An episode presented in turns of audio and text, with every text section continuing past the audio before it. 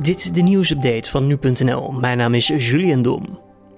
Ook vandaag moet je nog rekening houden met overlast door het winterse weer van de afgelopen dagen. Door de vrieskou zijn de rijomstandigheden volgens Rijkswaterstaat namelijk nog steeds gevaarlijk.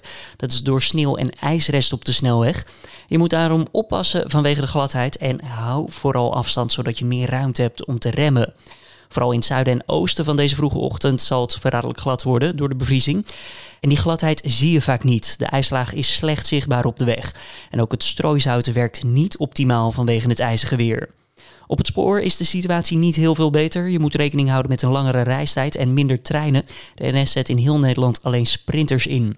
En bovendien heeft de NS het ook nog druk met het verhelpen van eerdere storingen door de hevige sneeuwval. Dus wel één pluspuntje.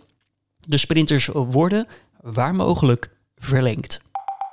De mobiele eenheid stond tijdens de Eindhovense rellen eind januari meerdere keren zwaar onder druk. Dat maakte burgemeester John Jorritsma bekend. Zo'n 300 tot 400 relschoppers belaagden de ME met ernstig geweld. En ook bleek de inzet van politiepaarden lastig door de inzet van het waterkanon. Het plein werd namelijk glad en de paarden gleden daardoor uit. Het Instituut voor Veiligheids- en Crisismanagement zal met alle betrokkenen rondom de rellen in Eindhoven praten. En over zo'n vier weken moet dan een rapport uitkomen met daarin de lessen die zijn geleerd van de rellen. Het gaat stevig vriezen de komende dagen. De hoop op schaatsen op natuurijs neemt daardoor verder toe bij liefhebbers. En bij op één liet de laatste winnaar van de Elfstedentocht, dat is Henk Angenent, zich dan ook positief uit over de tocht der tochten dit jaar. Ja, ik ben heel positief. Uh, ik denk dat het gewoon moet lukken. Er moet volgens hem eerst wel geoefend worden met de marathonbubbel vanwege corona. En daarna kan dan eindelijk gekeken worden naar de Elfstedentocht. 90% van de Nederlandse internetgebruikers van 12 jaar en ouder heeft vorig jaar maatregelen genomen om persoonlijke gegevens op het internet te beschermen. Dat meldt het Centraal Bureau voor de Statistiek.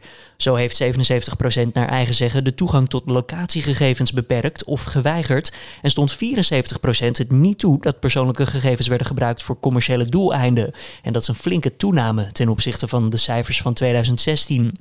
Wellicht opmerkelijk, zo zegt namelijk 46% het privacy statement voor invullen van de persoonlijke gegevens te lezen.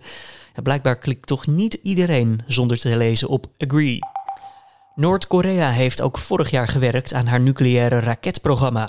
Die ontwikkeling werd gefinancierd met geld dat is verdiend met cyberhacks. Dat blijkt uit een vertrouwd rapport van de Verenigde Naties. Zo is er splijtstof voor kernwapens geproduceerd, zijn nucleaire installaties onderhouden en hebben de Noord-Koreanen de infrastructuur voor ballistische raketten verbeterd.